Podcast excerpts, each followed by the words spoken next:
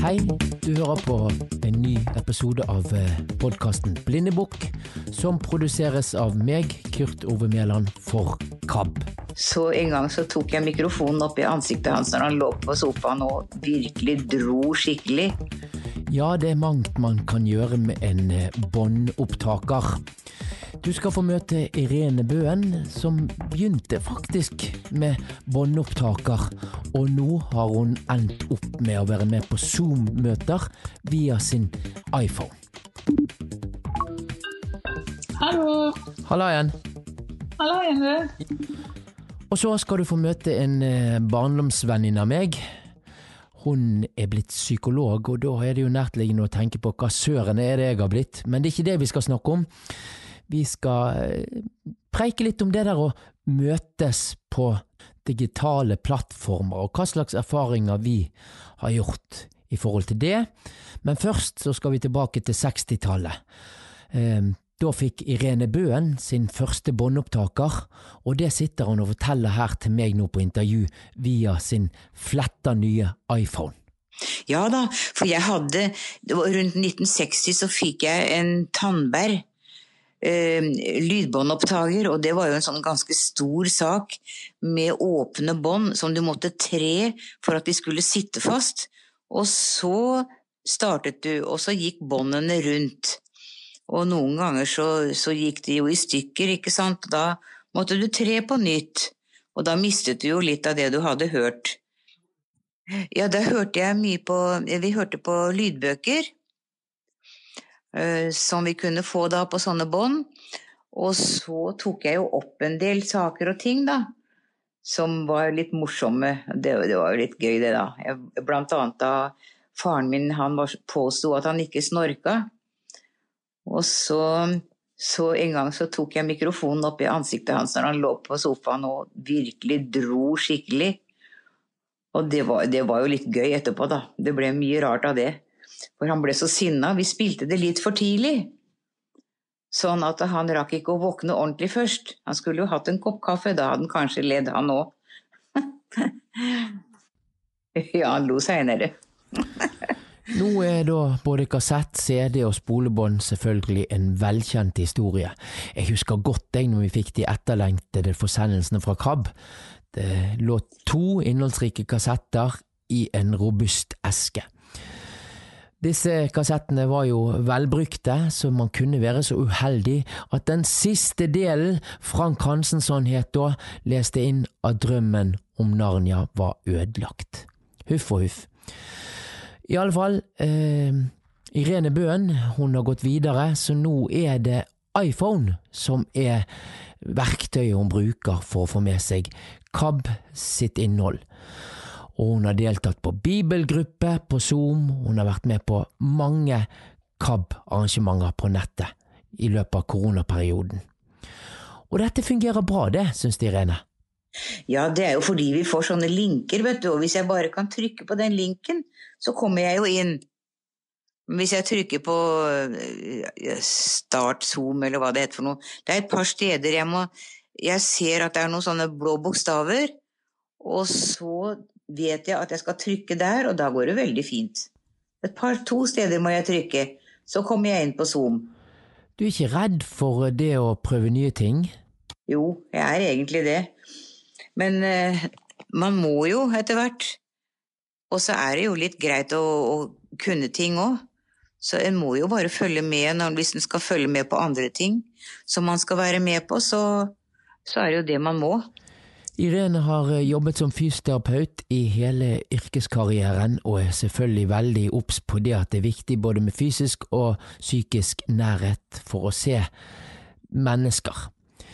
Men det funker godt òg å være i Sandefjord og være ganske fjern fordi man skal være nær med i en samtale på nettet. Jeg syns jo det er mye bedre enn å, å ikke være med. Fordi at eh, du får jo et, får et bånd til dem likevel. Jeg syns det er veldig hyggelig å høre stemmene til dem jeg kjenner fra før og sånn. Og så får man jo Ja, vi får snakke sammen og bryne tankene våre. Og, og den tilhørigheten til KAB blir jo også styrka, syns jeg, når vi kan være sammen sånn. Altså, det er jo mye bedre å, å være sammen fysisk, og høre stemmen som den er. Eh, men jeg, men, jeg syns jo det er en, en veldig viktig ting å kunne ha de sosiale sammenkomstene òg, eller digitale blir det vel. Og så jeg Man kan jo få tanker av det òg. Det å kunne Ja, har du tenkt sånn, ja? Det var fine tanker. Ja, det er noe å bygge videre på. Så jeg syns at det er tross alt um, jeg, tenk, jeg, har tenkt en del på dette her at det, da Jesus kom, så uh, var veier Altså, de var ett stort rike som de var en del av, tross alt, selv om ikke de ville være det. Uh, Romerriket var jo stort den gangen, og, og veier var bygd ut. Det var mye enklere å komme fra sted til sted uh, enn det det hadde vært tidligere. Så det var liksom Jeg tror Gud hadde laga det sånn for at evangeliet skulle komme fortere ut. Og nå når vi er i den pandemien, så har jeg tenkt som så at eh, eh, nå er det lagt til rette med alle disse digitale plattformene, sånn at vi kan uh, holde fast ved evangeliet likevel. Vi er ikke liksom totalt overlatt til oss selv, men vi, vi kan være sammen på disse digitale plattformene. Og det tror jeg er, jeg tror det er veldig, veldig bra. Fordi at vi trenger jo å, å bygge hverandre opp, selv om vi sitter der aleine rundt omkring. Hallo. Halla igjen.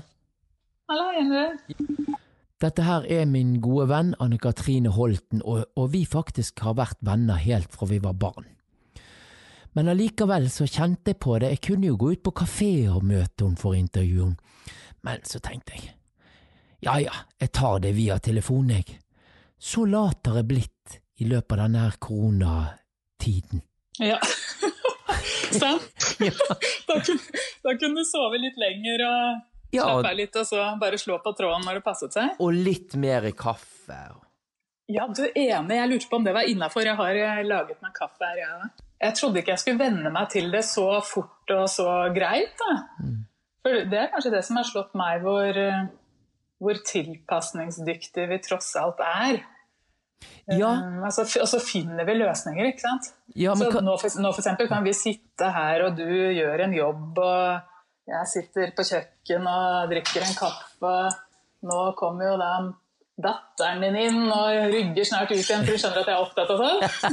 Så det er det rene, kjære kaoset her hjemme på hjemmekontoret. Vi, vi har noen på hvert rom. altså hvis det blir mye snekkerlyder, så har vi også en oppussing på gang i underetasjen her, så beklager det. altså. Ja, det har jo alle brukt tiden til, noe, til oppussing og sånn. Men, men jeg syns det er veldig spennende. Jeg har jo intervjuet en, en dame her som er, har vært med på å ha et lydbånd, og nå er hun med på sånne møter og sånn på Zoom og FaceTime og alt dette her, liksom. Det, det, det er utrolig hva, hva vi klarer å få til når vi må, på en måte. Ja, enig. Det, var, det er kjemperart. Og jeg i, i min jobb, jeg jobber jo som psykolog og behandler mennesker med psykiske lidelser. Og jeg var veldig skeptisk til den der omleggingen fra å møte i, fysisk i samme rom til å snakke via en skjerm. Eh, Men det har gått forbløffende bra, altså. Er det noe som går bedre, eller? Ja, Syns du? ja det, kan, ja, det kan du si. Det er et bra spørsmål. for vi, eh, På den klinikken jeg jobber, så er vi veldig opptatt av å måle resultatene. sånn vi, vi har veldig gode, gode og valide mål på hvordan det går med pasientene våre. og Da kan vi sammenligne resultatene før korona og nå i korona. Altså Hvordan gikk det når vi møtte pasienten face to face, og hvordan går det nå når vi stort sett møter dem via eh, skjerm. Og så ser vi at vi får like gode resultater uansett hvordan vi møtes. Og det er jo kjempeoverraskelse. Altså jeg syns det er overraskende, altså jeg hadde ikke trodd det. Men det, det ser ut til å funke. Og når du spør om noe går bedre, så er det faktisk sånn at noen eh, av de pasientene vi har, de har vært i behandling før. Altså de har testet ut behandlingen vår, for vi har et sånt firedagersprogram. Jeg driver og prøver å kurere tvangslidelse, ikke sant. Mm -hmm. Så har vi et firedagersprogram, og så har de gått gjennom det programmet før korona. Og så har de fått tilbakefall eller et eller annet har begynt å tulle seg til igjen, så de trenger en ny runde behandling. Og da har de fått den da digitalt siden vi er i koronatider. Og, og da kan jeg jo spørre de hvordan, hva syns dere, hvis dere kunne velge, kan jeg spørre etter den digitale behandlingen Hvis du kunne velge, ville du da valgt fysisk oppmøte, eller ville du valgt behandling digitalt, sånn som du har fått denne uken her? Og da er det ganske mange som svarer at de syns digitalt var veldig praktisk. Eh, nettopp fordi at, eh, sånn som du nevnte i stad, da slipper man denne reiseveien. Det er det ene. Eh, og det andre var at de opplever at de kjappere tar ansvar for endringsprosessen selv. For det er jo endring jeg jobber med. Jeg skal prøve å sette håp i pasientene og få dem til å gjøre viktige endringer i livet. Og det de sa var at når de liksom sitter der da, bak skjermen sin helt alene i det rommet, så tar de ballen kjappere selv og får gjort de endringene som trengs. Så kanskje er det et mulig funn. da, At eh, det ansvarliggjør pasienten i større grad når, når vi jobber digitalt. Og så mindre farlig kanskje at det Ja, det kan godt hende det. ikke sant? At eh, man får en sånn nødvendig distanse. sånn at da, bare sier jeg det, liksom. Eh, som det er. Eh, forteller om det vonde. Eh, for mange syns det er litt krevende å sitte sånn ansikt til ansikt og se hverandre inn i øynene, og så skal du si det som er så vanskelig. Så kan godt hende at vi får en liten sånn effekt av det òg. At det blir en liten sånn beskyttelse i det å sitte bak hver sin skjerm. Jeg husker jo det en gang, Ase. Du, ja, det var litt artig. Ja, nå kom jeg på det. Nei, vi, vi gikk jo vi gikk til skolen, og både på godt og vondt og alt, sant. Så, og så ja, husker du, jeg du og jeg. Nå er vi tilbake til barndommen. Ja, nå er vi tilbake til barndommen, men vi må litt fram og tilbake. For da husker jeg du sa en gang at, at du, Kurt, det er liksom litt, litt sånn mindre skummelt å, å, preike med deg, for du ser ikke meg med blikket, liksom. ja. ja.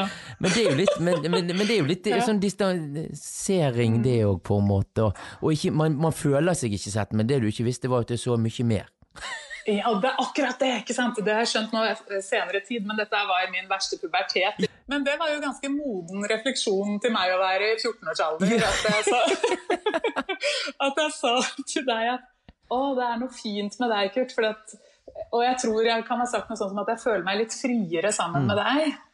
Fordi at eh, ja, det, det, Jeg tror det har noe med deg som person og at du er veldig sånn åpen og nysgjerrig. og jeg opplever deg ikke så veldig dømmende heller. Du er klar for all informasjon du kan få.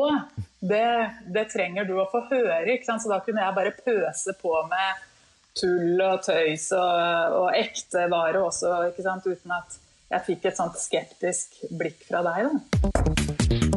Ja, jeg tenker at det er hensiktsmessig for uh, fasaden min at vi stopper her i dag. Det er godt det der å kunne redigere litt sin egen uh, fasade.